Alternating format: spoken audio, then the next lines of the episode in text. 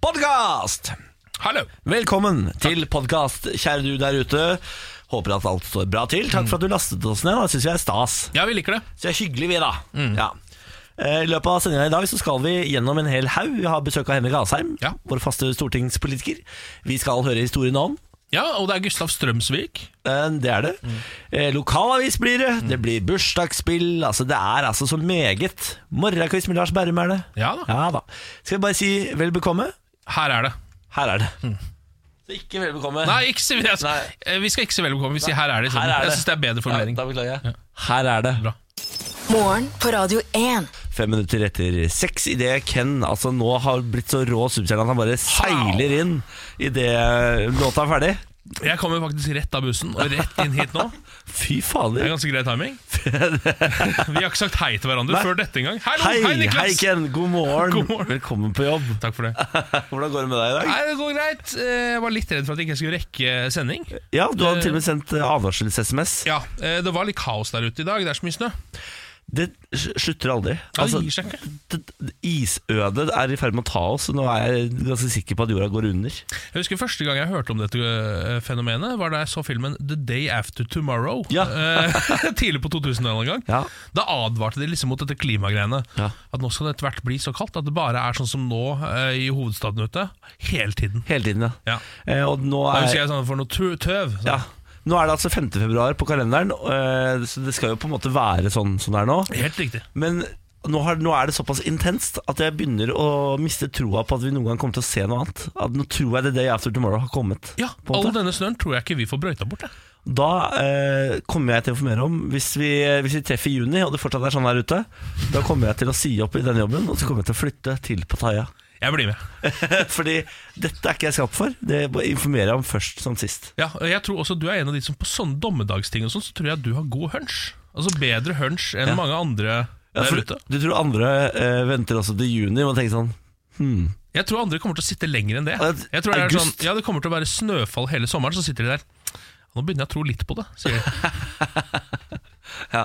Ja. Eh, Foreløpig så har vi jo bare truffet februar, så jeg chiller litt med billettene. Men, Ja, det er det er ikke, men jeg kommer til å legge av penger, sånn at jeg har råd den dagen det skjer. For det er som du sier, foreløpig så skal det være akkurat sånn som det er ute. Det stemmer. Dette er Morgen på Radio 1. God morgen og velkommen til oss. Hvis du har noe på hjertet, så er vi tilgjengelig på SMS. 2464 er nummeret. Eh, Du starter meldingen med kodeordet Radio 1. Radio 1, også 2464. I løpet av dagen i dag så skal vi eh, ha bursdagsspillet. Nå er vi på Er det 5500, tror jeg? Ja, det tror jeg. Ja, fy farken, nå har det blitt mye penger Ja, da. i den potten. Det har det. Du kan stikke av med det hvis du, du rett og slett er født. Eh, Vi kommer til å annonsere måned. Eh, Er du født i den måneden, så ringer du inn.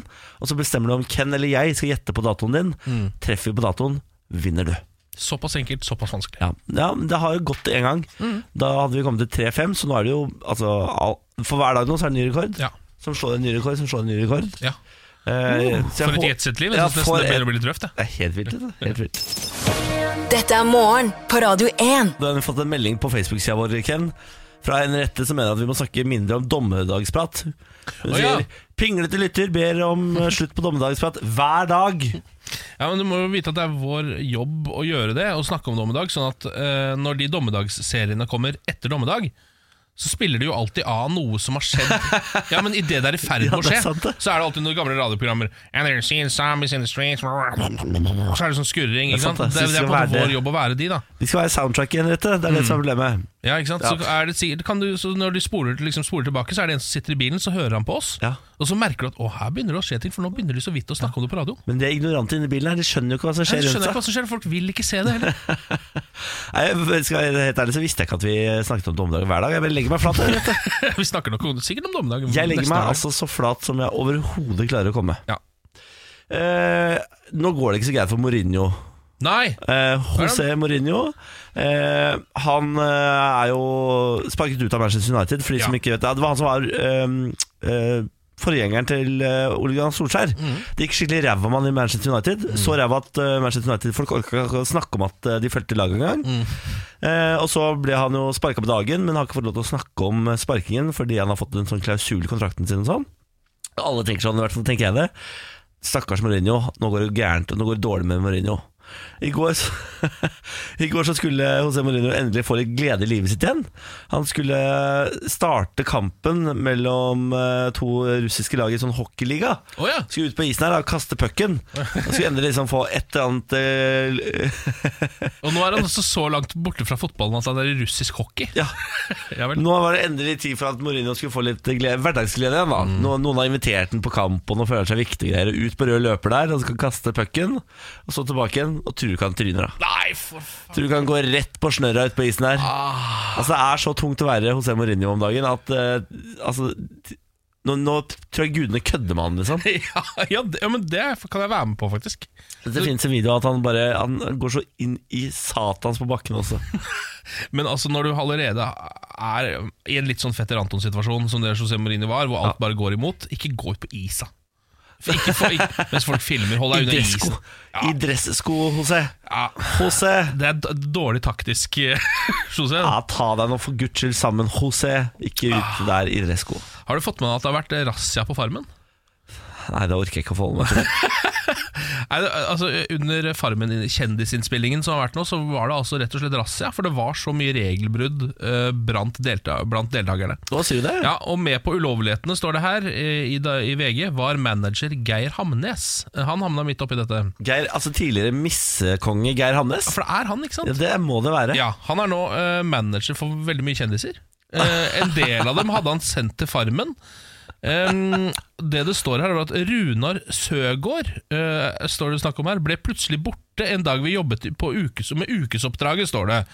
Da hadde han tydeligvis vært rundt i naboområdet for å prøve å finne en, en langer som kunne skaffe varer inn på farmen. da. Eh, denne naboen skjønte at han kunne tjene store penger, og kjørte bl.a. til Hamar for å bringe med seg tolv pizzaer. Som vi fikk med oss inn her, eh, sier programleder og Farmen kjendisdeltaker Ronald Pulk, 39, til VG. Ronald Pulk? Helt hvem Ronald Pulk er. aner ikke hvem det er. Hvem er Ronald Pulk? Programleder? I, Og Farmen i- kjendisleder. I Visjon Norge, da? eller? Jeg vet ikke helt. Ronald Pulk, i hvert fall, han uh, sier det at uh, det var sånn det foregikk. Og det var visst Geir Hamnes som da var en slags mellommann i dette. Jeg elsker at uh, managerne nå De tenker sånn Greit, dere skal få lov til å være med på Farmen, sender det inn der, og så tenker de sånn Jeg må ta vare på de kjendisene jeg har i stallen nå. Ja, Jeg, jeg kjører litt pizza inn til dem. jeg. ja, ja det, Bra der- type. Ja. Han, eh, altså, hvis jeg noen gang skal på Farmen, da er det han skal være min manager. For jeg også er hypp på pizza inne på Farmen der. Ja, altså Det er jo kjempestunt fra Geir Hamnes. Alle, det viktigste for en superstjerne om dagen er jo reality-deltakelsen. sant, det. Eh, og Hvis du ikke har en manager som kommer med pizza til deg, så går det dårlig. Da er- ryker du ut, og så blir du ikke mer kjent. Det er ikke noe vits å være med, det. Morgen på Radio 1. La oss ta en titt på de viktigste sakene i verden akkurat nå. Vi kan starte med en storbrann i Paris. I Frankrike er syv mennesker bekreftet omkommet i en brann i en åtteetasjers høy boligblokk i Paris.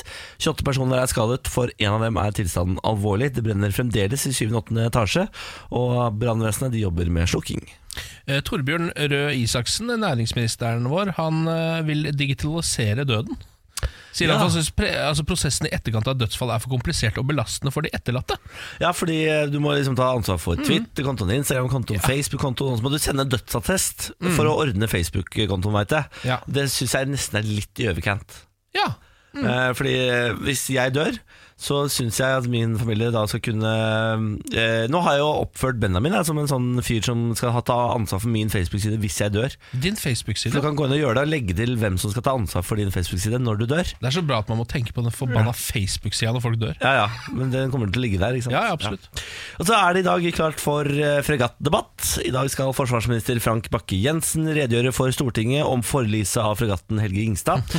Deretter blir det debatt om saken. Fregatten ligger fortsatt under vann i fjæra i Øygarden i Hordaland etter kollisjonen med tankskipet Sola TS i november i fjor. Ja. Rart de ikke har fått den opp ennå. Hvorfor ligger- Er det så vanskelig å få opp et Massivt skip, da. Jo, jo, men herregud, må begynne da. Få det opp. ja. Det koster jo mange milliarder kroner å ligge der ja det, vann. nå koster den jo null milliarder kroner. Ja. Så nå er det jo egentlig bare å la den ligge der. Ja, men nesten. det var jo, mu- må jo være mulig å redde stumpene av det, i hvert fall. Nei, jeg tror ikke det. Det er dette skattepengene mine har gått til. Ellers så hadde de vel vært det og fiska det opp hvis det hadde vært noen stumper i det hele tatt igjen og redda den dritten der. Ja, men Tror du de bare skal la den ligge, da? For Nei, det- evig det en sånn, nei. sånn skamplett på norsk historie? Nei, sannsynligvis ikke. Her ligger det, bare, det må være så kjedelig å være den som må holde den redegjørelsen for det der. Altså Frank Bakke-Jensen Ja. var jo ikke på det skipet. Han har på en måte ikke noe Men han må stå og ta alt dette ansvaret Ja, på et vis. men han er forsvarsminister, han, Ja. er, han er sjefen han eh, Og vi sender varme tanker til Frank Bakke-Jensen i dag Som skal inn på Stortinget og redegjøre for Helge Ingstad Det kommer til å være en pinlig og vond seanse Fra ende til annen, tipper jeg Ja, Men uh, dette fikser du, Frank. ja. Det er veldig gøy hvordan uh, militæret i alle saker om Helge Ingstad Nå snakker om hvor trist det er, Ja. det er, det er De er veldig opptatt av at dette bare er trist, ikke flaut Ja. Bare, bare trist Ja. Og de er så lei seg Ja, Uff. a meg, og det skjønner jeg, den er dyr Flere milliarder kroner koster den. ja den gjorde det. det er jo, for dem er det kjempetrist. For oss andre så er det jo Gøy. øh, litt gøy òg, fordi det blir for dumt. Morgen på Radio 1. Nå skjer det store ting i hovedstaden for folk som ikke er så glad i kjøtt. Mhm. eh, Beyond Meat, har du hørt om det, Ken? Ja, det, eh, ja, jeg har så vidt hørt om det. Eh, nå er det jo store, store store investorer i verden som går inn for å prøve å skape et eh, nesten eh, kjøttprodukt. Eh, Ja. Fra før så har man hørt om kanskje Impossible Burger, Ja. som er plantebasert burger, men som er såpass kjøttlignende at den faktisk blør. Ja, Den har liksom saft, eh, på samme måte som en burger, men den er laget av planter. Mm. Ja. Den har ikke kommet til Norge ennå, men det som har kommet til Norge, det er Beyond Meat, Ja. som er konkurrenten til Impossible Burger. ja Er det samme type konsept, eller? Ja, dette her er erteprotein som eh, utgjør eh, basen. Ja. Eh, og så skal den smake digg, og så skal den se ut som en burger. Um, dette er konkurrenten til Impossible, Impossible Burger, som sagt. Og det er Bill Gates og Leonardo DiCaprio som bl.a. blant annet har gått inn i dette selskapet, kjøpt seg opp og har, sier sånn Dette er fremtiden, dette har vi troa på. Og nå kan du få den på Munchies i Oslo. På Munchies, ja, som er jo et eh, helt vanlig gatekjøkken, Det er, egentlig. Eller litt sånn Litt litt, litt hippere fastfood. det er hip McDonald's. Ja. Eh, på en måte. Ja. Eh, For det er ikke, det er ikke sånn gourmetburgersted, det er det ikke. Det er bare uh, en helt decent burger. ja. Ja, De har til og med den samme gule M-en som logo, er det ikke det? Som McDonald's har. Det tror jeg kanskje de har. Ganske lignende, i hvert fall. Ja, ja det, den Det er er, blå, blå. M. Jeg reagerer litt på det hver gang, syns det er litt for likt. Ja. Eh, men ok, så nå har det kommet, eh, nå er det mulig å prøve det. Ja. Eh, er det i butikkene per nå? Ja, det er i butikken. Du må på Munchies, tror jeg foreløpig. Ja. Eh, Jeg så nemlig eh, DNs anmeldere, Salt og Pepper som de heter, da veldig kreativt, Mm. var ute og prøvde den. Syns den var god, de, da. ja. Vi skal nok prøve den, vi òg. Om vi skal. Mm. Vi er jo veldig glad i å prøve produkter i dette programmet. Vi skal, Er det i morgen vi skal prøve Grandiosa? Ja, det, Vi har fått, vi har fått de nye Grandiosaene. Som vi skal prøve i morgen. Ja. Eh, og vi skal også prøve eh, Beyond Meat. Vi skal ta med oss en opptaker og stikke på Munchies en dag, og så ta med oss lyden tilbake. Absolutt. Ja. Eh, en ny teknologisk eh, nyvinning eh, har jeg på, på gang her borte. Ja vel. Eller det er ikke jeg som har den på gang, da, men det er noen forskere fra MIT, eh, altså et eh, universitet i Massachusetts eh, i USA. Nå har de altså lagd lasere som kan hviske deg i øret. Jeg tror vi applauderer det. Jeg er ikke helt Ja, sikker. men, hva skal du med det? Nei, Det må jo være å kunne hviske noen i øret fra avstand. da De gangene man trenger det. Ja, Eh, Det de, eh, det de gjør, er rett og slett en laser som bruker den fotoakustiske effekt, Jaha. som det er noe som heter, eh, til å da gjøre om på en måte den naturlige vanndampen rundt øret ditt eh, til lydbølger, som gjør at du kan snakke med deg selv om du står 2,5 meter unna, som det er nå. Og så er det, De prøver å jobbe med avstand, da, visstnok. ja to og en halv Foreløpig så kan du bare stå 2,5 meter unna, så egentlig så kan du bare 'hallo' hviske som va- vanlig. Så er det egentlig like bra. Hva er poenget? Nei, men altså, Man kan jo eh, Man, lager, man Å. forsker på for mye drit, altså. Helt enig, i det, men man kan jo overlevere eh, hemmelige beskjeder, da. Det er jo det man kan. viskeleken av Ja, viskeleken sånn uten at noen hører Uten at du faktisk trenger å Ja. gå bort til øret. Så hvis Trump står der, da, så holder han på å drite seg ut. Han er i ferd med å drite seg ut. Ja. Eh, og så kommer da Sarah Huckabee Sanders inn på siden, så istedenfor at hun skal gå helt bort til øret hans og si en sånn 'Donald, you're fucking up!' Så små vanlige små, Ja. så er det bare en liten laser. Så ser du at Donald uh, gjør om på det tinget han sier. Har man tenkt på ørepropper som gjør akkurat den samme jobben? Og da kan du stå så langt unna du bare vil. Walkie-talkies Ja det- Har man glemt at man, det finnes ørepropper i verden? Jeg hadde faktisk glemt det akkurat nå, det må jeg innrømme.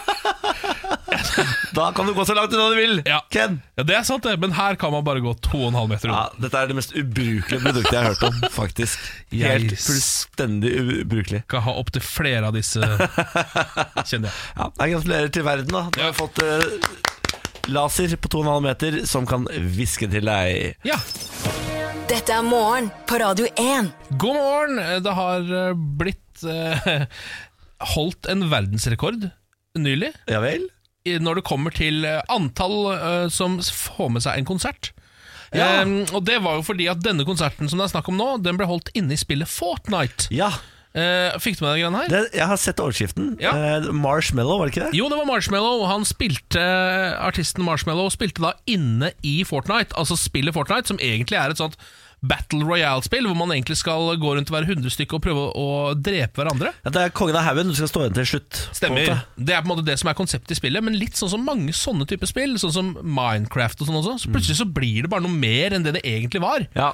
Eh, og nå har de begynt å holde konserter da, inne i dette spillet.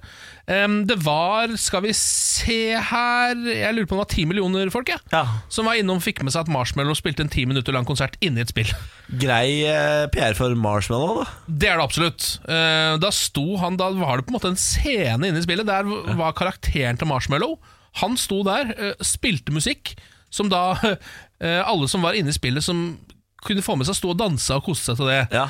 Um, og så det er, det er rett og slett altså, Det er jo kanskje ikke så rart, Fordi et større konsertoppmøte skal jo vanskelig få til å ha en ti millioner folk. Det- Du får jo ikke plass til ti millioner eksempel på Telenor Arena. Nei, det gjør det faktisk ikke. Nei. Det var vel en eh, konsert i Minecraft som hadde denne rekorden fra før, jeg. Ja, og så ble den overtatt nå av Marshmallow i, eh, i, i uh, Fortnite. Ja. Fortnite har blitt så altså, Det er så svært, det fenomenet Fortnite. Ja, det er helt Det er helt vilt. Ja. Det er gøy å se at uh, spill eh, fortsatt den dag i dag liksom kan skape såpass store bølger i verden. Det er jævlig gøy. jeg er litt enig.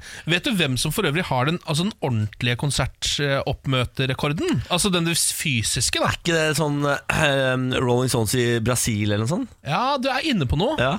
Det er Rod Stewart. Rod Stewart? Ja, I 1994 så var det 3,5 millioner folk på en Rod Stewart-konsert. Og akkurat da pika verden, og alle bare Nå må vi bare gå og henge oss, egentlig, for det her går jo ikke.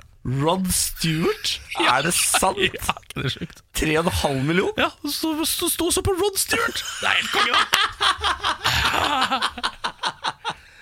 Det, det, er, det, er, det er veldig bra, Roddan. Jeg og uh, guttegjengen min, da, da jeg var sånn 18, holdt på å kjøpe en sånn pakketur til uh, Tallinn for å se Rod Stewart. Jeg kan? Jeg, jeg kan ikke forklare hvorfor vi holdt på å gjøre det, eller hvorfor vi ikke gjorde det. Det kom jeg ikke på. Eller hvorfor det var på bordet i det Nei, hele det aner jeg ikke. Jeg tror vi fant noen billetter. Da. Så liksom, hva billig tur til Italia, da? Må se Rod Stewart, da. Ja, ja, men faen, Og Rod spiller! Ja, ikke sant? Guttegjeng Vet du hva, på gutta? 18 Rod spiller den helga. Vi drar, vi drar. Vi bare stikker, liksom. Ja, er typete. Ja, men gratulerer til Marshmallow, som har tatt eh, rekorden fra Rod Stewart. Mm. Verden går videre, dere. Verden går videre. Morgen på Radio 1. Hverdager fra seks. Eh, var det før helga eller i går du snakket om eh, det der eh, synkehullet som viste seg å være et forsøk på ran? Ja, stemmer. Eh, da avsluttet jeg med å si flere spektakulære ran, vær så snill. Eh, det er så gøy når dere gjør noe sånn ordentlig vilt, sånn som f.eks. i Sverige med helikopterranet. Ja. Og tror ikke at vi har fått svar på tiltale. Oi. Nå har det vært spektakulært Hollywood-aktig bankinnbrudd i Belgia. Aha. Eh, belgisk eh, politi har få spor etter at bankhvelvet i havnebyen Antwerpen ble plyndret i helgen på Hollywood-vis, står det på TV2.no. Ja vel? BNP eh, Paribas hvelv i Antwerpens berømte diamantdistrikt. Jeg ante ikke at de hadde det. Oi, har de et diamantdistrikt der? Ja, eh, Det var fortsatt stengt da politiet rykket ut for å sjekke hvorfor alarmen var blitt utløst søndag. Men det var ingen falsk alarm. Etter å ha åpnet hvelvet fant politiet rundt 30 tomme bankbokser, et hull i gulvet og en tunnel som gikk ned i kloakksystemet. Eh, Det er altså en gjeng med folk som har eh, gravd seg ned gjennom et bolighus. Ned i kloakken, og så har de gått gjennom et rør som på det minste er mindre enn én en meter bredt. Ja. Altså tynt, tynt, tynt, krabba gjennom kloakk. Og så har de bora seg opp igjen eh, under bakken, inn i dette bankhvelvet, tatt med seg 30 bankbokser. Og så samme vei ut? Ja. Fy farken, det er jo skikkelig Clooney-stemning på det her, da. Veldig.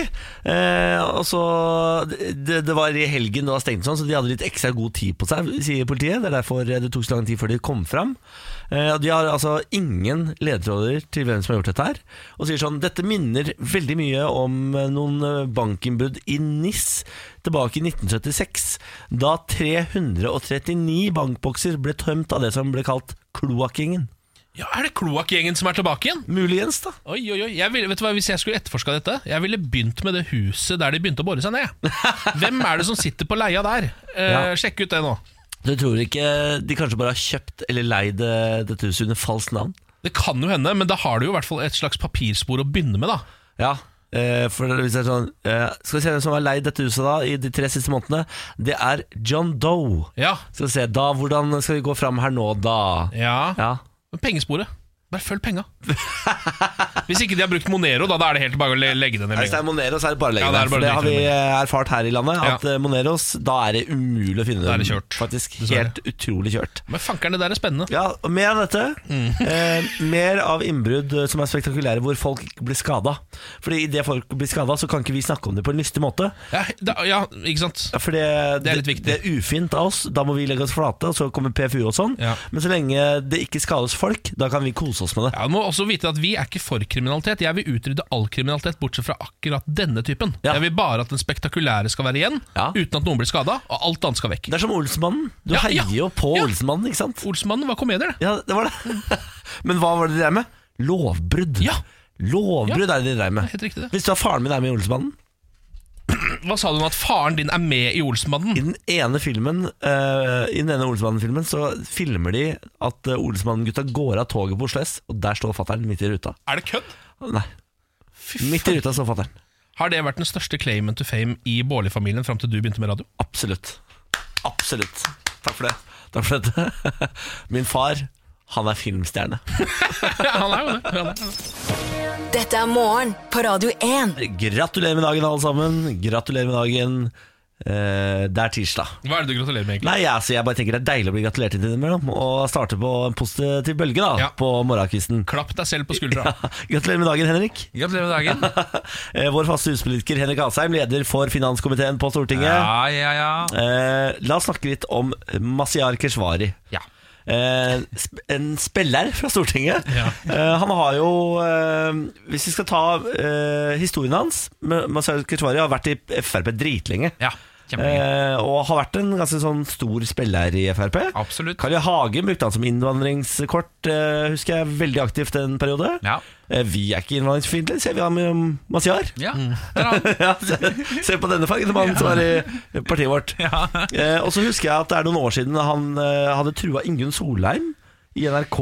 Ja, han hadde skrevet noen tekstmeldinger eller Twitter eller noe annet sånt. Ja, Han er ikke så glad i journalister, litt sånn som resten av partiet. Ja, nettopp. Nei. Bare at han gikk da til et steg med å true Ingunn Solheim eh, ganske stygt, husker jeg. Ble noe oppvask rundt det. Det ble noen sak, ja. Og så nå eh, har han blitt tatt for å tulle noe med Er det reiseringen her også, eller? Ja, ja, det var det som opprinnelig var. Ja, Og det får flere hundre tusen kroner. Ja.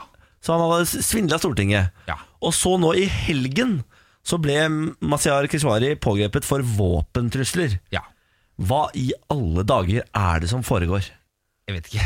Ja, for du vet ikke, du heller? Nei, nei, nei, nei, virkelig ikke. Men det, er jo, det kan jo se ut til at vi er vitne til et menneske som går gjennom en livskrise her. Ja. Altså Når det er eh, både liksom, altså alle disse pengene Vi vet ikke hva han skulle med alle disse pengene, og så denne saken nå, da som vi egentlig bare har fått gjengitt at han er arrestert for å ha truet. Han har vel ikke truet noen med et våpen, men han har hatt et våpen og vært truende eller noe sånt. Altså, Ja, jeg tror de kaller det grove trusler. Det er vanskelig å si hva som er definisjonen. Ja. Ikke sant? Ja. Så det, men eh, det er jo klart, det er jo ikke noe ålreit eh, det. Fordi eh, altså, oppå liksom alle disse problemene som han åpenbart står i, da, Ja. så vet jo hele Norge det. Vi sitter Ja. jo nå på Radio Ja. 1 om morgenen og snakker om det, og det står i alle aviser, og det er bilder og Ja, For det er jo det er bare trist, liksom. Det er jo veldig, veldig trist. Og det var jo en ganske stor sak egentlig mellom journalister. Det er jo interessant å høre hva dere mener om egentlig. Skulle man publisere navn eller ikke? Og Mm. Ja. Aftenposten bare smalt ut og sa han er stortingsrepresentant. Ja. Eh, For han er jo folkevalgt, ikke sant? og han, sitter Ja. på Stortinget. Han har jo en kjempeoffentlig rolle, så det er vel kanskje derfor man eh, ikke anonymiserer han på Ja. lik linje med andre. da Ja.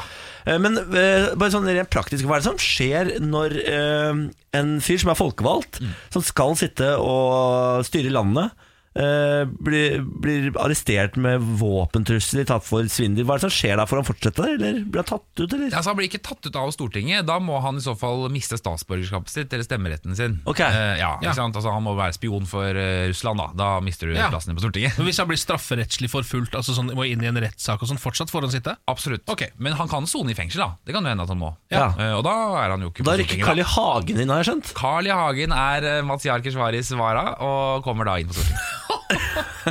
Ja, Han sto på TV i går og var ikke eh, helt lite blid. Nei. Nei, det kan jeg tenke meg. Han, Jeg er klar, jeg. jeg han er er spillekåt nå, eh, Ja. Carl I. Hagen. Han vil på banen. Han er inn nå. Å ja, så han ja, nettopp Sitter på benken, han, vet du. Ja, han sitter på benken. Han brakk sitter beina han her nå. Ja. oh, endelig et beinbrudd. ja. valgte riktig fyr å være vara for, da. Viser det seg jo, da. Ja. Altså, eh, dette her er jo selvfølgelig en megakontroversiell påstand som jeg kommer med nå. Oi. Eh, Men når jeg trykka på denne saken her i går, Ja. så, eh, så står det altså da eh, ja, Politiker eh, siktet for grove trusler, eller noe sånt står det. Og så tenker jeg sånn dette kan vel ikke være en Frp-politiker, kan det det? Og så trykker jeg på saken, så er det fanker meg en Frp-politiker, og jeg flyr helt til flint og blir utrolig overraska. Og tenker hva er det som skjer med verden? Det pleier jo alltid å være en fra KrF. Ja. Uh, hva er det som skjer?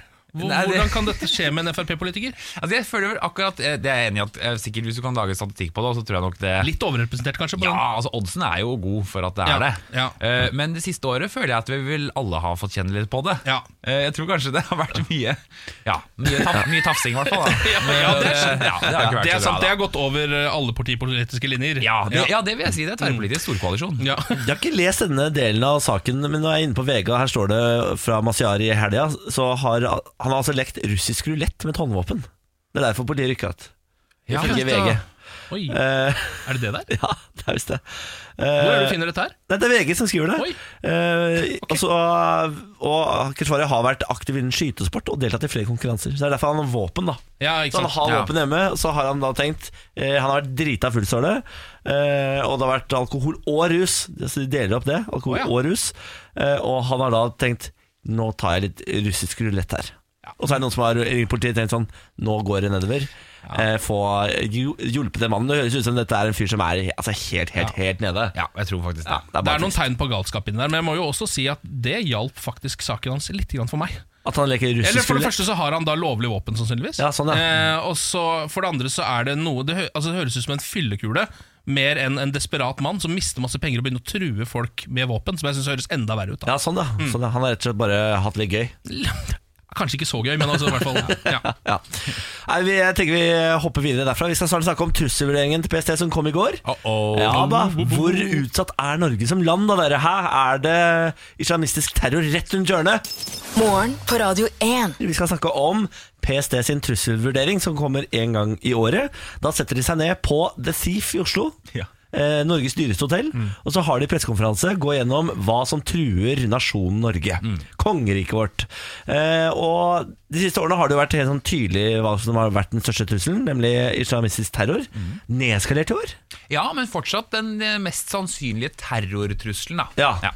Eh, Men det, man, eh, det jeg fikk inntrykk av, er at man mer redd for russisk og kinesisk liksom, eh, involvering i uh, samfunnet vårt. Ja, altså det er jo todelte der, fordi på den ene siden så har du terror, altså en ren sånn terroraksjon i Oslo. Ja. Der mener de at det er islamistisk terror som er mest, men også høyreekstrem eller venstreradikal. Men liten sannsynlighet for eh, at de skal gjennomføre noe. ja, altså Den er jo tatt ned, men tatt ned fra et ganske høyt nivå. da For det er ikke så mange år siden jeg husker IS-soldater som ble tatt med norske pass. Eksempel, Ja. Ja, så det er liksom nedjustert fra et høyt nivå. Men den andre delen er jo liksom hva er en trussel mot rikets sikkerhet, og det er særlig da overvåking fra Kina og Russland. Hva er det Kina og Russland eh, har lyst til med Norge? Hvorfor kommer de til å overvåke oss? Altså Kina og Russland er jo ikke med i noen forsvarsallianse med Norge. Norge er en del av Nato, samarbeider med USA osv. Det betyr at vi har utveksler ikke informasjon, f.eks. Og det kan være alt mulig rart. Altså Den store saken nå er jo Huawei. Ja. Er, er det sånn det uttales? Jeg tror det Jeg tror det mobilselskapet Huawei. Ja. Eh, og så, og så, eh, de byr jo på å være med på å bygge ut 5G-nett i Norge. Ja. Eh, og det man er redd for fra PST, da Det er at kinesiske myndigheter som de har lov til, de kan pålegge kinesiske selskaper å utlevere informasjon. Ja.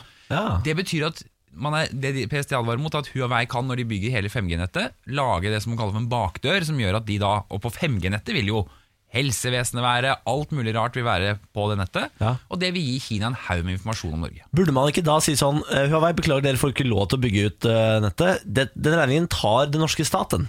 Fordi dette er såpass eh, usikkert for oss at det er greit at vi bygger det sjøl, du. Ja, altså Det skal jo være masse sikkerhet rundt det, og selskapet altså Det er jo viktig, det sa jo PST også, Huawei i seg selv er jo ikke et ondskapsfullt Kjøp gjerne mobil fra dem, liksom. Men, men eh, problemet er at lovene i Kina sier at Ja. kinesiske selskaper kan bli pålagt å utlevere informasjon. Ja. Eh, og så var det noe som var nytt for meg eh, i trusselvurderingen, og det er at man er redd for at eh, utenlandske stater skal kjøpe opp eh, norske bedrifter og sånn, og på den måten få såpass stor innflytelse på Norge. Er man redd for at Kina skal kjøpe opp Telenor og sånn? Ja, altså dette er jo noe av grunnen til at selv om altså Norge er jo deler av Equinor, gamle Statoil og Telenor og sånn. Vi har jo da, selv om staten har solgt seg delvis ned, det er jo mer privat nå enn det var før, så har staten beholdt over 30% av selskapene. Og det er fordi da har vi kontroll på selskapet, og hovedkontoret skal ligge i Norge osv. Ja. Og det handler jo bare om at store selskaper, selv om det har ikke noe å si egentlig om staten eier Telenor eller ikke, så har det noe at vi vil ha kontroll på det, og vi vil ha det i norsk, på norsk jord. da Ja, altså Det er arvesølvdebatten, liksom. ja, og jeg syns jo arvesølv er liksom hva som helst det nå. Altså Flytoget var jo arvesølv. Altså, er ikke Flytoget Det er den ene maiskolbeholderen liksom, innerst i skuffen der som vi aldri har brukt. Det er, liksom, det er jo bare et, det er jo et tog, liksom. Men, men eh, Det er det raskeste toget vi har, da. ja, det er kjemperaskt. Det- og det er jo alltid presist. Ja, det går jo alltid på tid. Ja, jeg elsker Flytoget. Jeg, jeg Ja, nå elsker du det. Ja, jeg elsker det. Maiskolbeholderen. Jeg bare tror, ja, Men man blir jo glad når man finner den òg. Spørsmålet er bare om det er arvesølv. Og eh, Apropos arvesølv, kan jeg bare hoppe fra et tema til et helt annet? Når jeg kom på det, Jeg har ikke tenkt på det før nå. Men eh, strømprisene, ACER er, er, det, Du satt her og sa sånn Det er ikke noe problem at vi selger, eh, eller selger strøm til utlandet, at vi lager den kabelen, at vi selger arvesølvet, som folk sa. Ja. Fattern var jo i harnisk, husker jeg. Han var så forbanna fordi Ja. vi skulle lage denne kabelen og Asia-avtalen og alt sammen. Har du slått tilbake på oss nå? Nei, det har ikke det. Og det er, sant, Strømprisen nå er høy fordi det har vært en tørr sommer og iskald vinter, eller masse snø på vinteren. Ja. Det, er, altså, det er været som avgjør strømprisene. Men det som heldigvis vi er en del av, dette er jo NVE, da, som er sånn, ja, det er veldig kjedelig. Men de har laget en sånn eh, statistikk på det, så viser de hva ville strømprisen vært med og uten disse kablene. Ja. Og uten kablene ville strømprisen vært høyere hele tiden, og toppene ville vært mye høyere enn de er nå. Og det er fordi når vi handler strøm med Europa, helt riktig, da selger vi strøm til Europa når vi har mye strøm. Men når vi da mangler strøm, så kan vi kjøpe strøm fra Europa. Da kjøper vi skitten strøm, da. Ja, det gjør vi. Ah. Ja, ja, ja. Men da kompenserer vi. ikke sant? Sånn at jeg er helt enig at prisene er høye nå, for all del, men de hadde vært mye høyere uten det samarbeidet vi har med andre land. Så, men det betyr jo også at man på en måte pisser på klimaet, da. Eh, fordi Norge vil ha billig strøm. Nei, det gjør man ikke. Men altså, Jo, for det, jo men det gjør man jo, for å kjøpe en skitten strøm. Nei, man gjør ikke det. Poenget er at det du, må, du kan jo se på hvert land som bare Det landet må løse klimakrisen. Eller så kan du se på det som Europa. Ikke sant? Og Det betyr at når vi eksporterer For eksempel eksporterer vi mye kraft nå til Storbritannia. De faser ut all sin kull mot eh, fornybar energi og gass fra Norge. Det kutter utslipp i, i Storbritannia. Ja. Men da må jo vi også kunne kjøpe strøm tilbake, og noen ganger er det også kullkraft. Men vi holder jo ikke liv i det. Vår, vårt bidrag er å kutte kullkraft. Men det betyr jo ikke at all strøm skal brukes i Norge bare skal være fornybar, for da hadde strømprisene vært mye mye høyere ja, enn det de er nå. Så fornybar energi, det er dritdyrt. Eh, nei, det trenger, nei, nei, altså for eksempel vannkraft er jo noe av det billigste du kan ha. da Ok, Ja, ja. Men da må ødelegger vi naturen vår. Nei, men det gjør vi ikke, for vi bygger ikke ut mer vannkraft nå. Ja, ja, og vi Vi skal har ikke allerede- vannkraft. Vi har ødelagt den Vi har allerede, ødelagt så vi kan ikke ødelegge noe mer. Så det er liksom ikke noe å ødelegge. Er det Så sånn det er? tenk Ja, det er på nesten det. sånn. Du har ødelagt naturen. Det er arvesølvet, var det ikke det? Arvesølvet. Ja, ja. Nei, men da, fader, da fikk jeg et par spørsmål om ACER også. Da Ja. kommer fatter'n være fornøyd. Ja, det er bra, det. Eh, Var Henrik det Hansen- bestilling fra din far? Han har eh, sagt det siden jeg startet programmet. Dere må snakke mer om det AC-greiene. Den der kabelen. Han er livredd for den kabelen.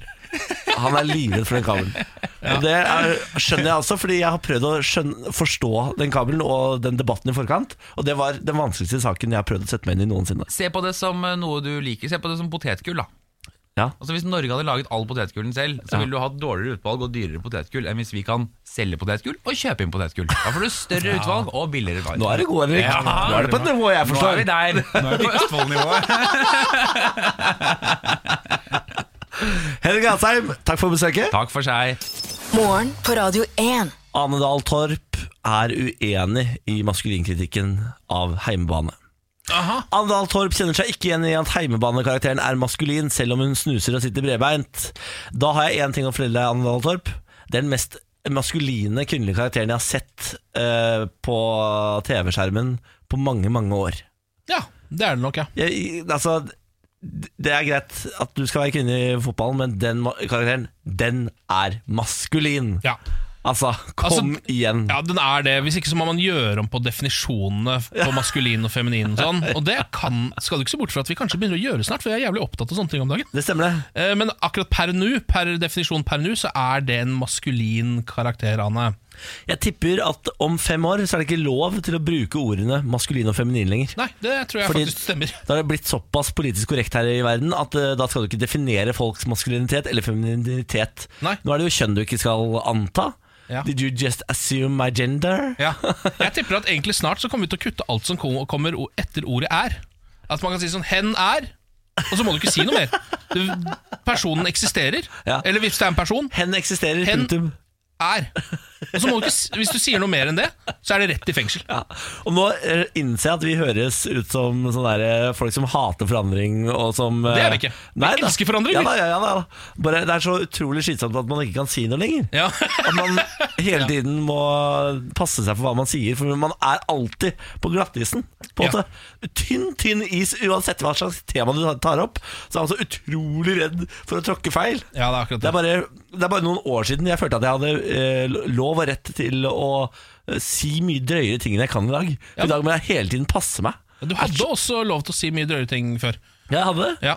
Eh, Det kan hende det var for drøyt igjen. Så må man liksom finne the middle road. Eh, akkurat nå føler jeg vi eh, nå, nå er det litt for glatt is. Det kan jeg være enig i. Altså. Ja, for den isen er så tynn. Så sabla tynn. Kan vi ikke la, la Det er jo tross alt ekstremvær, er det ikke det? da? Tysen, Ja. Isen skal være tykk, den. Ja, sant det. Tykk, tykk, tykk. Vi tar en, innom en kjapp sak her. Nå har altså Nå er det en fyr som heter Gerald Cotton. Han var Canadas største kryptovalutaselskapssjef. Ok. Han har dødd, dessverre. Nei. Eh, og det som er eh, Om ikke det er trist nok i seg selv, så er det også litt trist at han var den eneste som hadde passordet til dette kryptovalutaselskapet. Så han har da dødd med et passord verdt 1,6 milliarder kroner. Ja, vi bare applauderer det. Eh, Nå, eh, altså, de pengene som, som han satt på passordet til, de får de nå ikke ut. De er gone. Men altså, dette er eh, et problem med kryptovaluta. Ja, det vil jeg si. Det, det, det, det skjer, si. jo, det skjer jo hele tiden at kryptovaluta bare forsvinner fordi eh, Husker du han der nordmannen som kasta fire millioner kroner i kryptovaluta for, fordi han, han eh, Det var noen som rydda hjemme hos han eller noe sånt. Så tok han en harddisk hvor det lå masse kryptovaluta, Ja. kasta på dynga. Ja. Så han mista sånn fire-fem millioner kroner. Ja. Det er så tullete, dette her. Nå må man eh, Kryptovaluta det må utvikle seg hvis det skal være noe vits, på en måte. Jeg syns det er litt skjørt akkurat nå. Ja Altså Hvis det ligger bak et Altså Hvis det Et passordet er hele greia Et passord kan gjøre at du taper 1,6 milliarder kroner. Jeg glemmer passord hele tiden. Jeg jo, Tenk om han hadde glemt passordet sitt. Han hadde ikke trengt å dø engang. Kunne bare våkne opp en dag så bare Hva var det igjen? Var det, Det stor K, liten Nei, hva var det? Ja, for det er det der. Det er helt håpløst, det greiene der. Ja, ja. Så må du jo bytte passord hele tiden også. Ja. Nei, det, det, eh, vet du hva? Kryptovaluta, dere må ta dere sammen. Ja. Og Moneros, for eksempel. Kom igjen, da. Kom igjen, da. Ja, hva, hva skal de komme igjen med? Nei, de- Altså, De må jo f lage mulighet til å spore ting. ja, Det må, altså, ikke, det kan ikke være 100% anonymt. Det kan ikke være mulig å miste det pga. passord. Kryptovaluta må ta seg sammen. Kan bli vanlige penger, kanskje? Ja, Morgen på Radio 1. Vi er eh, straks i gang med bursdagsspillet. Ja, ja. Eh, om 3.30 så må du høre på for din mulighet til å vinne. Vil du ha måned nå, eller? Skal vi ta måneden Skal vi nå? ta Ok, måneden Så først? folk kan gjøre seg klare. Greit. Vent da Når jeg trekker fra en hatt, skjønner du Jeg har en sånn E- Egon Olsen-hatt her. Ja, det har du fått. November, står det! Ja vel. Ja. Så hvis du er født i november, må du gjøre deg klar til å ringe inn på 02102. Dette er morgen på Radio 1. Hvem eh, snakker vi med? Anita, Hei, Anita. God morgen. Hvor i landet befinner du deg? god morgen. Nå er jeg på vei til jobb i Oslo. I Oslo. Hva jobber du med, da? Jeg jobber på Bekkelagshjemmet som administrasjonsleder. Ja, nettopp. Eh, hva er den største utfordringen i hverdagen som en administrasjonsleder?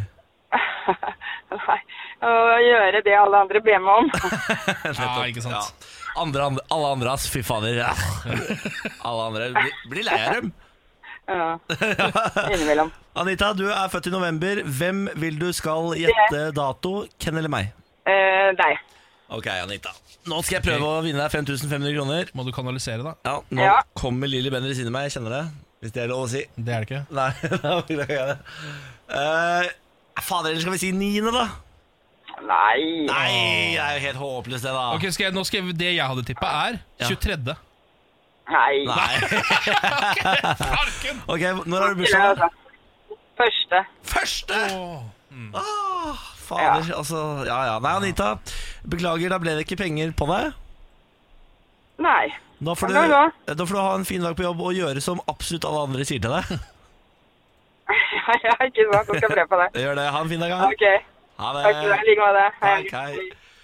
Ja ja, da er altså potten blitt 6000 kroner. Ny mulighet i morgen 08.20. 6000 kronitas. Blanke messinger. Riksdaler Ja. rett i fòret kan du vinne. eh, Sånne gærninger. Sånne gærninger, ja. Dette er morgen på Radio 1. Morgen på Radio 1 ønsker deg velkommen til dette frokostbordet. Her sitter Ken og spiser en liten havregryn. ja. Ikke ljug, jeg spiser eh, ost og skinke. Ja, det ser det. Ost og skinkebagett. En liten havregryn. En liten- en liten- Skål da til med havregryn.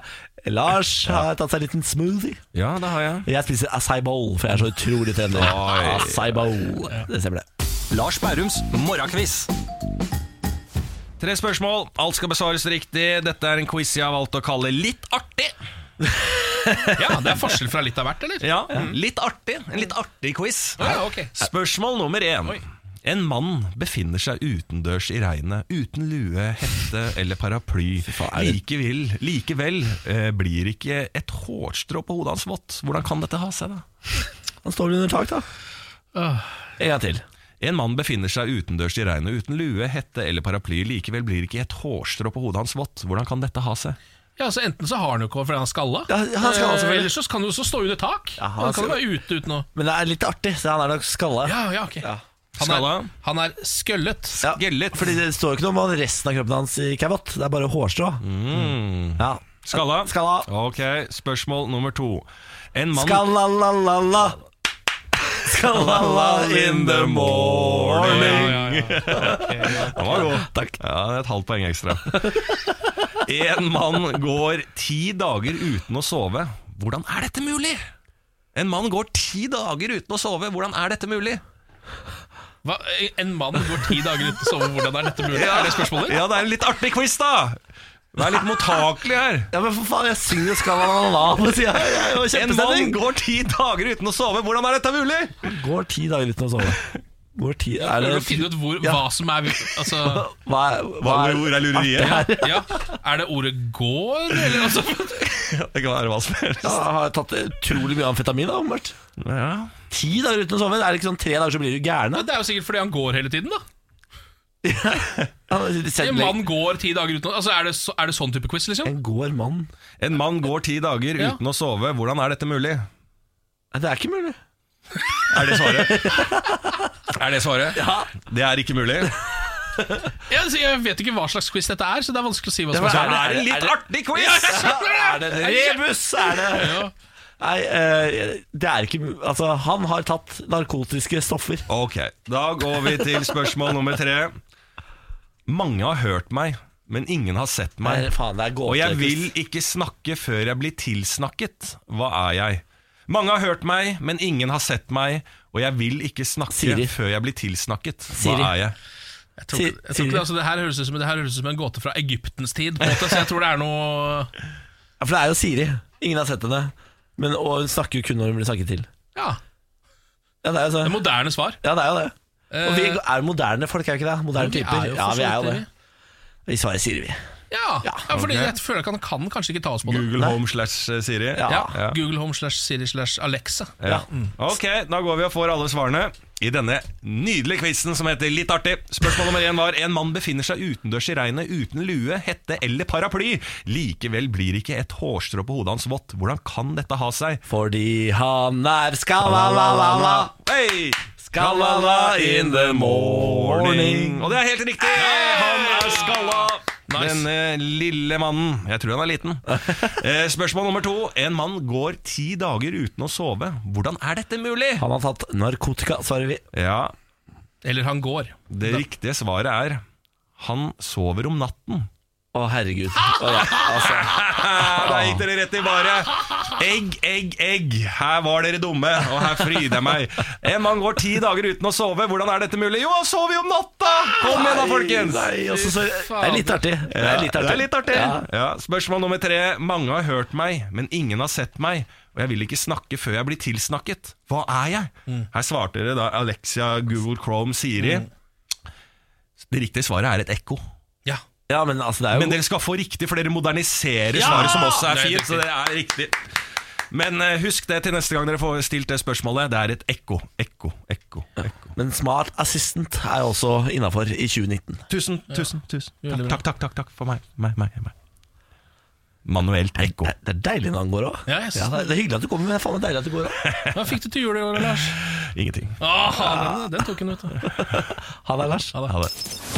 Dette er morgen på Radio 1. Dags for historien om Ja, nå en liten alternativ historieleksjon eh, om eh, noen av de eh, hendelsene og personene som man kanskje ikke leste om på skolen.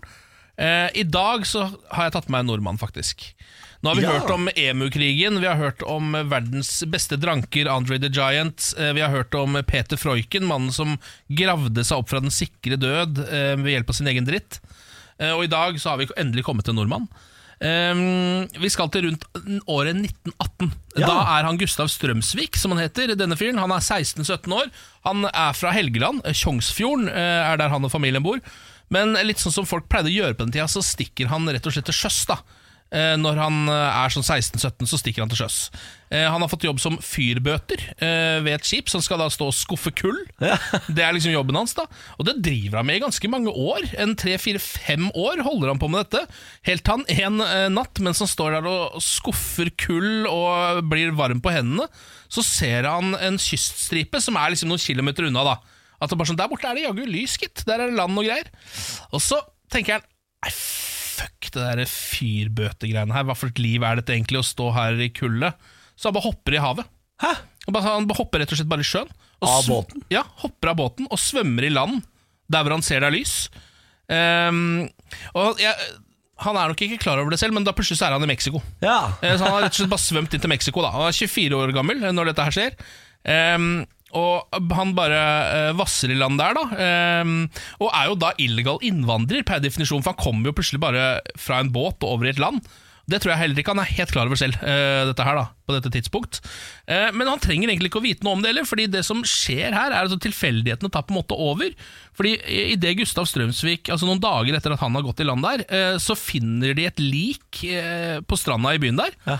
Eh, og da har Gustav Strømsvik blitt erklært eh, Altså han har blitt eh, meldt savna fra båten sin, Ja. så de regner med at det er han. Så han blir da, eh, for første gang i sitt liv, erklært død. ja. De tror han er dau, rett og slett. Uh, mens han går jo bare rundt der og surrer i Mexico. det er ikke han. Det er ikke han, det er, ikke et han. annet lik Ja. som har bare skylt opp helt tilfeldig. Så de bare regner med at der er han fyren som, eh, som de var på leit etter. Vi bare erklærer han død. Det er jo egentlig veldig greit for Gustav Strømsvik, Fordi hvis ikke så hadde han jo eh, fått problemer med myndighetene og sånn Ja. i Mexico, siden han bare har gått i land der, tross alt. Eh, men selv om han eh, på en måte klarer seg sånn sett, så har han jo ikke noe Han har ikke noe liv der, liksom. Han har, altså, han har, han har et par våte klær, det er det han har. Eh, så han prøver å finne seg jobb, Ja. og en dag så hører han et rykte om at det har kommet noen amerikanere til, eh, til eh, det området hvor han er i. De skal grave opp eh, en gammel mayaby. Det er noen amerikanske arkeologer som har kommet til Mexico. da Ja. Skal grave opp Chichen Itza, som det heter, som er en ganske kjent mayaby. Um, og Gustav spør sånn, hva med meg, kan ikke jeg være med å grave på dette prosjektet? De sier ja, ja, vi skal jo grave opp en hel by, du kan like å ta med oss en idiot som har kommet om bord fra et båt her, du kan bli med på dette. uh, så han har ikke noe utdannelse, han er ikke ingeniør på noen som helst måte eller sånn. Ja, Likevel så viser det seg at han er jævla god på dette, eh, så han effektiviserer hele arbeidet deres. Blant annet så lager han en motorisert steinsag. Neimen Bare ut av, ut av det blå der, ja. fyren. Eh, og så blir han såpass god på dette at i 1935, noen år seinere, da de skal eh, bygge, altså, grave ut Copan, som er en sånn ganske stor mayaby i Honduras, så sier de amerikanske arkeologene rundt bare at Gustav, du er sjef. Blir Du er arkeologsjef for hele dette prosjektet. Hei, hei, hei, hei, Gustav. Du fikser det. Han er nå 34 år gammel og leder da kanskje verdens største arkeologiske prosjekt. Ikke noe utdannelse, ikke noe nettverk, ingenting. Men sånn ble det bare for han da, for han hoppa i havet på et eller annet tidspunkt. Eh, og så holder han på med dette i ganske mange år, eh, helt fram til året 1943, da det plutselig er krig. Ja. Eh, og da går det opp for Gustav at han egentlig ikke er der han trengs. Eh, han hører at det er krig hjemme, altså i Norge, da.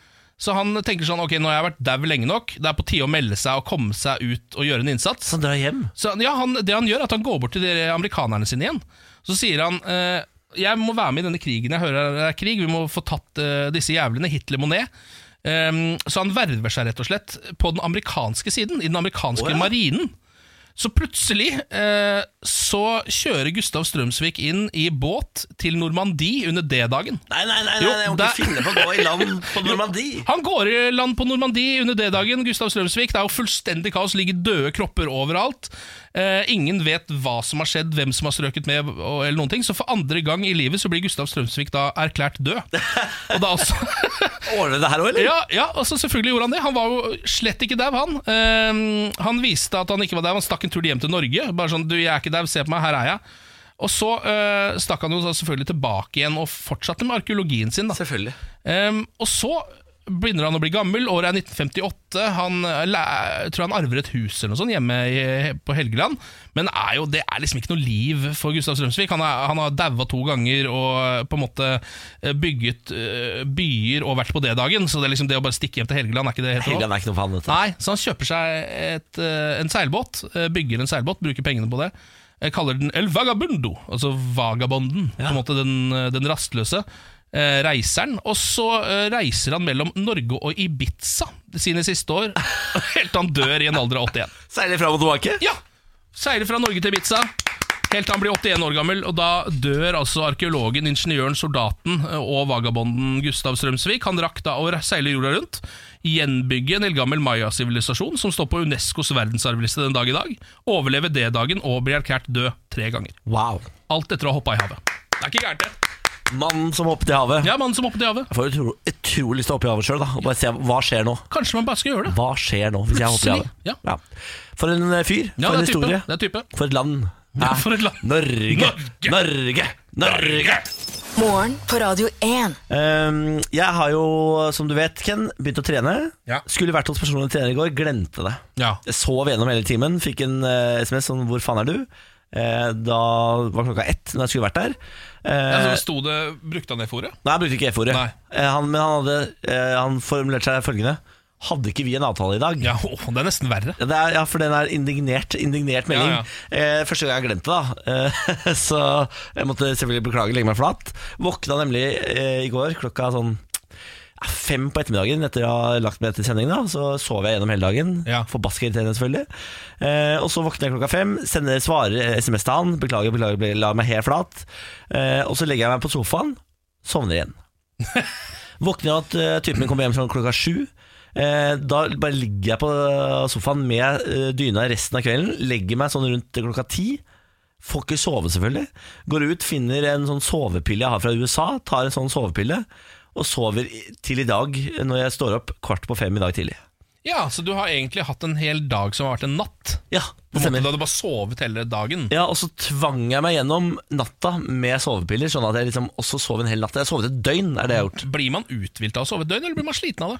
Ja, Det er det jeg ikke helt skjønner, om den følelsen her i kroppen og den nummenheten, om det er ettereffekten av sovepillen, eller om jeg bare rett og slett har sovet så mye at hele kroppen min har gått i dvale.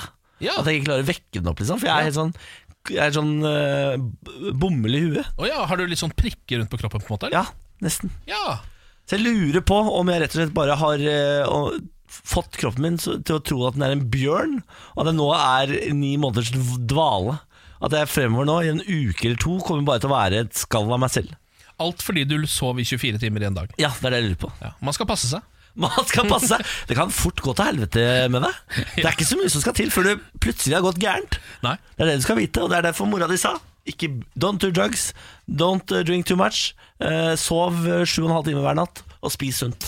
Morgen på Radio 1. Nå Peter Madsen. Eh, denne fyren som eh, parterte og drepte Kim Wall i sin hjemmelagde ubåt i Danmark. Eh, for de som ikke måtte huske han. Den, uh, altså, en crazy, crazy, crazy forferdelig dude. Nå har politikerne i Danmark steila etter at det kom frem at folk har veldig lyst til å ligge med og date Peter Madsen. Ja. Eh, Det danske folkepartiet vil nå prøve å finne ut om de kan lage en lov som forbyr folk som sitter på livstidsdommer i Danmark å få damebesøk i det hele tatt. Er det Dansk Folkeparti Er det litt sånn eh, danskenes Frp, eller? Eh, nå spør du godt. Ja. Nå spør du veldig godt. Eh, men eh, de får eh, gehør hos Sosialdemokratene også, som synes dette er eh, kanskje innafor å gjøre dette her. Mm. Eh, personlig, så når jeg leste det første gang, tenkte jeg sånn hm, Er ikke det litt voldsomt å eh, fra, Selv om de er forferdelige mennesker og har gjort forferdelige ting, er det ikke litt voldsomt å frarøve dem muligheten til liksom, menneskekontakt hvis det fins folk som er så gærne at de i det hele tatt gidder?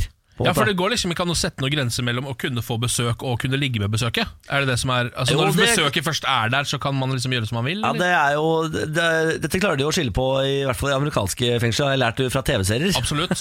For da må du sitte bak glass med sånn telefon. Ja. Men eh, Petter Madsen, så vidt jeg forstår det, han får lov til å ligge med de når Ja. de er på besøk. Og han har altså da, eh, Siden han ble satt inn i fengsel, i hvert fall i startfasen der, så tror jeg virka som at han lå med én dame i måneden. Ja, Som var i hvert fall innom der og hadde da eh, kontakt. det stemmer. Det er tre eller fire damer som eh, jevnlig besøker Petter Madsen. eh, som syns han er veldig spennende, og som har lyst til å ligge med han. Tenk at et, eh, en person eh, som ser dårligere ut enn meg, eh, er eldre enn meg, og parterer kvinner i egen ubåt, samtidig har bedre drag enn meg. Ja, er ikke det veldig rart? Tror du kanskje det er Eller er det Ja, han Eller overvurderer jeg meg selv nå, eller? Hvis jeg syns, det er Nei, rart? vet du hva? Eller? Jeg, eh, akkurat der mener jeg at du eh, Her er du innafor. Ja, jeg treffer, Ja. jeg treffer spikeren Her, der. her syns jeg du treffer spikeren. Ja. Eh, f- For meg personlig, med mine lyster og tanker og sånn, så syns jeg det er rart at noen har lyst til At folk heller ligger med altså en, Petter Madsen enn deg. ja, Det syns jeg er rart. en partør En partør, ja. Men eh, framfor kanskje, en helt vanlig fyr som sitter på raden. Prøver å være trivelig og kan det være at han har ubåt, da? Er det ubåten, og ja. Er det Er- er er det- spandabel type? Jeg er veldig spandabel type. Sier du det? Det er kanskje det er ubåten det går på, ja. Og det at han har laget den selv. Ja. Jeg tror det er det Det det hadde ikke du klart. Det hadde- La oss være ærlige om det. Det hadde ikke du Det hadde jeg ikke klart, men jeg hadde heller ikke tatt deg med ned der, drept deg og prøvd å komme unna med det etterpå. Nei, men det er, flere, men det er jo mange som har vært i ubåten til, debatten, Som han ikke har drept, som han mener du? ikke har drept. Kanskje det er det de tenker sånn Det er litt sånn russisk rulett, da. Det er Ja. 1 til 6, liksom. Ja, Det er odds de velger å ta, liksom. Syns det er god nok. Åpenbart gode nok, da. Ja. Ja. Eh, har vi tid til å gå kjapt innom en helt idiotisk sak som er funnet her? ja. Eh, hvis ikke det var mer du ville si om Peter Madsen? Jeg, jeg bare informerer om at han eh, begynte å ligge med en fengselsbetjent. Ah, er han på Seriøst? Ja, Så hun fikk sparken, da. Men i ankesaken så satt hun og tre andre kvinner rett bak han og støtta han i ankesaken. Så de støtter han fortsatt òg? Ja. En fengselsbetjent? Ja! Han begynte å ligge med en av de som jobba i fengselet. Ja, men i alle dager. Så, Ja. hva er Jeg, jeg blir så oppgitt av det. Ja, det er helt Jeg blir utrolig oppgitt Ja, av det det. er, det blir gæren av, selvfølgelig. Eh, ok, Her er en sak om en mann fra Bodø som nå er dømt til betinga fengsel for forfalskning fordi han har brukt grafikkprogrammet Paint til å sette opp sin egen mattekarakter fra 1 til 2. Yes, yes, yes! Stjerne. Bare et lite tips. Eh, Photoshop fungerer veldig mye bedre enn Paint til sånne oppgaver. Et lite tips til. Sett den opp til tre, da. Kanskje fire.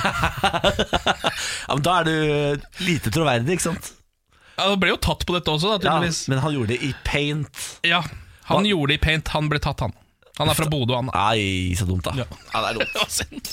Morgen på Radio 1. Nå er det dags for Morgen på Radio 1 Aviser. Det er Norge. Ja, det er jo der vi plukker en lokalavis og følger den gjennom uka. Ja. Eh, og denne uka så er det Gudbrandsdølen Dagningen. Ja. Som er den, eh, den utkårede avis. Den gi- gis jo ut på Lillehammer, da, eh, i Oppland, men dekker også, hold deg fast, Lillehammer, Gausdal, Øyer, Ringebu, Sør-Fron, Nord-Fron, Sel, Vågå, Lom, Skjåk, Dovre, Lesja, Nordre del av Ringsaker og Nordre del av Gjøvik. Ble helt svimmel, da. Ja, han ble gæren av det. Altså, det, du starta så godt i går. Ja, det, altså Den saken tror jeg ikke vi kommer til å toppe. Altså. Nei. Eh, det var jo saken 'Her leter de etter kjønnshår i tømmerveggen'. hvor det var noe Hvor blant annet Kirsti Krekling, da, som sto oppe i Sør-Fron der, eh, mellom Harpefoss og Hundorp, midt i Grublands gamle dal, og sto der og plukka noe, prøvde å finne noe kjønnshår i noen gamle tømmervegger. Som hun mente at noen ungkar, det var noen andre som mente at noen ungkar hadde stappa inn der. For, for å finne seg en make. Ja, Altså Det var det rareste jeg noen gang har lest. Ja. Altså, Ja, Er det noe mer du vil si om det? nei, bare at nå må man stille ned forventningene, tror jeg. Ja, det, det må vi absolutt. Dette Ja. er mer sånn vanlig sak. da Ok. Utenlandske svindlere tok over telefonen til Steinar69 og ringte halve byen. Ja, Det er litt ålreit, det òg, da. Det er litt ålreit, det òg. Jeg beklager alt styret, sier Steinar da. Det er det minste jeg kan gjøre, mener Steinar Johansen. Han ble offer for telefonsvindel da det ble ringt i ett sett fra hans nummer til halve Lillehammer og flere til. 69-åringen ante fred og ingen fare da han tirsdag morgen satte seg ned for å lese avisa hjemme i Hågåveien på Vingnes. Dette er fra forrige tirsdag, da. Men det skulle bli litt av en dag. Han forteller. Første telefon kom ved nitida fra ukjent nummer. Det var en dame som lurte på hva jeg ville. I grunnen ikke noe, sa jeg. Men du har ringt meg, sa damen. Som hadde slått opp anropet på 1881 og funnet navnet mitt. Det må være feil, sa Steinar og beklaget. Han hadde ikke rørt telefonen sin den dagen, står det. Eh, Men ikke før han hadde lagt på, så ringte det en gang til. Denne gang fra en mann som lurte på åkken som hadde ringt ham. Du skal ikke reagere på at det står Åken? Åken? Ja, ja, det betyr det er hvem, da? Det er dialekt, jeg Mm, skjønner. Ja, det er riktig, Ja. Jeg beklager. ja, Jeg Nå må du følge med her. Ja, det, ja. Beklager at jeg ikke syntes dialekten var morsom. Jeg er litt rar, da. Jeg legger meg bare. Kuriøs, eller ja. og, og slik fortsatte det. Telefonen sto ikke stille, og SMS-ene tikket inn fra lokale folk som ble ringt opp fra 90 51 69 21. Steinar Johansens nummer. Det er gitt ut Jeg nummeret. trykka nummeret hans i lokalavisa! Det er helt konge, da. Nå det jeg. Nå koser jeg meg. Ja, nå koser du deg, ja. På et møte Steinar Johansen var på om kvelden, var det mange som lurte på om telefonen hans var hacket. Fagfolk kan fortelle at dette ikke stemmer, men at Steinar Johansen ble utsatt for spoofing ved at svindlere utgir seg for å ringe fra nummer som faktisk er i bruk. Oh, ja. Ikke sant? Fader, De har bare speila nummeret hans og bruker det er det til å ringe. ringt, da. Ja, ikke sant? Ja. Det fant de aldri Der satt han med telefonen i hånda. Han. Ja, ja, ja. ja, ja, ja. Fader. Ja, rare greier. Det der er jo utrolig irriterende. da. Spoofing. Jeg visste ikke at det fantes. Jeg. Nei, det er, Da speiler de på en måte bare nummeret ditt, later som de ringer fra deg og ditt nummer, og så er det Så er det ikke Steinar. egentlig ikke du som ringer. Ja. Nei, stakkar. Men nå vet jo alle hva slags nummer Steinar har, da. Jeg skal ringe Steinar etterpå jeg, og si at uh, dette her kommer til å ordne seg. Steinar, skal jeg si. Ikke, ikke ha, få, Finn hvilepulsen, Steinar. Dette ordner seg. Dette blir bra Hilsen Kan hende folk fortsetter å ringe deg, da, siden Ja. nummeret ditt nå står i Det lokalavisa. er noe med det, da. Dette er morgen på Radio 1. I morgen er det li- lille lørdag. Det stemmer. Vi eh, setter oss på akebrettet og bare flyr inn mot helga. Ah. Eh, og i morgen så er det jo en ny runde med eh, Gudbrandsdølen eh, Dagningen, da, som er lokalavis denne uka her. Det stemmer, og så kan du vinne 6000 kroner hvis du hører på bursdagsspillet 0820. Den øker jo med 500 kroner for hver eneste dag. Mm. 6000 kroner kan bli dine rett i fòret, som Karpe Diem ville sagt det. Det stemmer. Vi er på fra seks.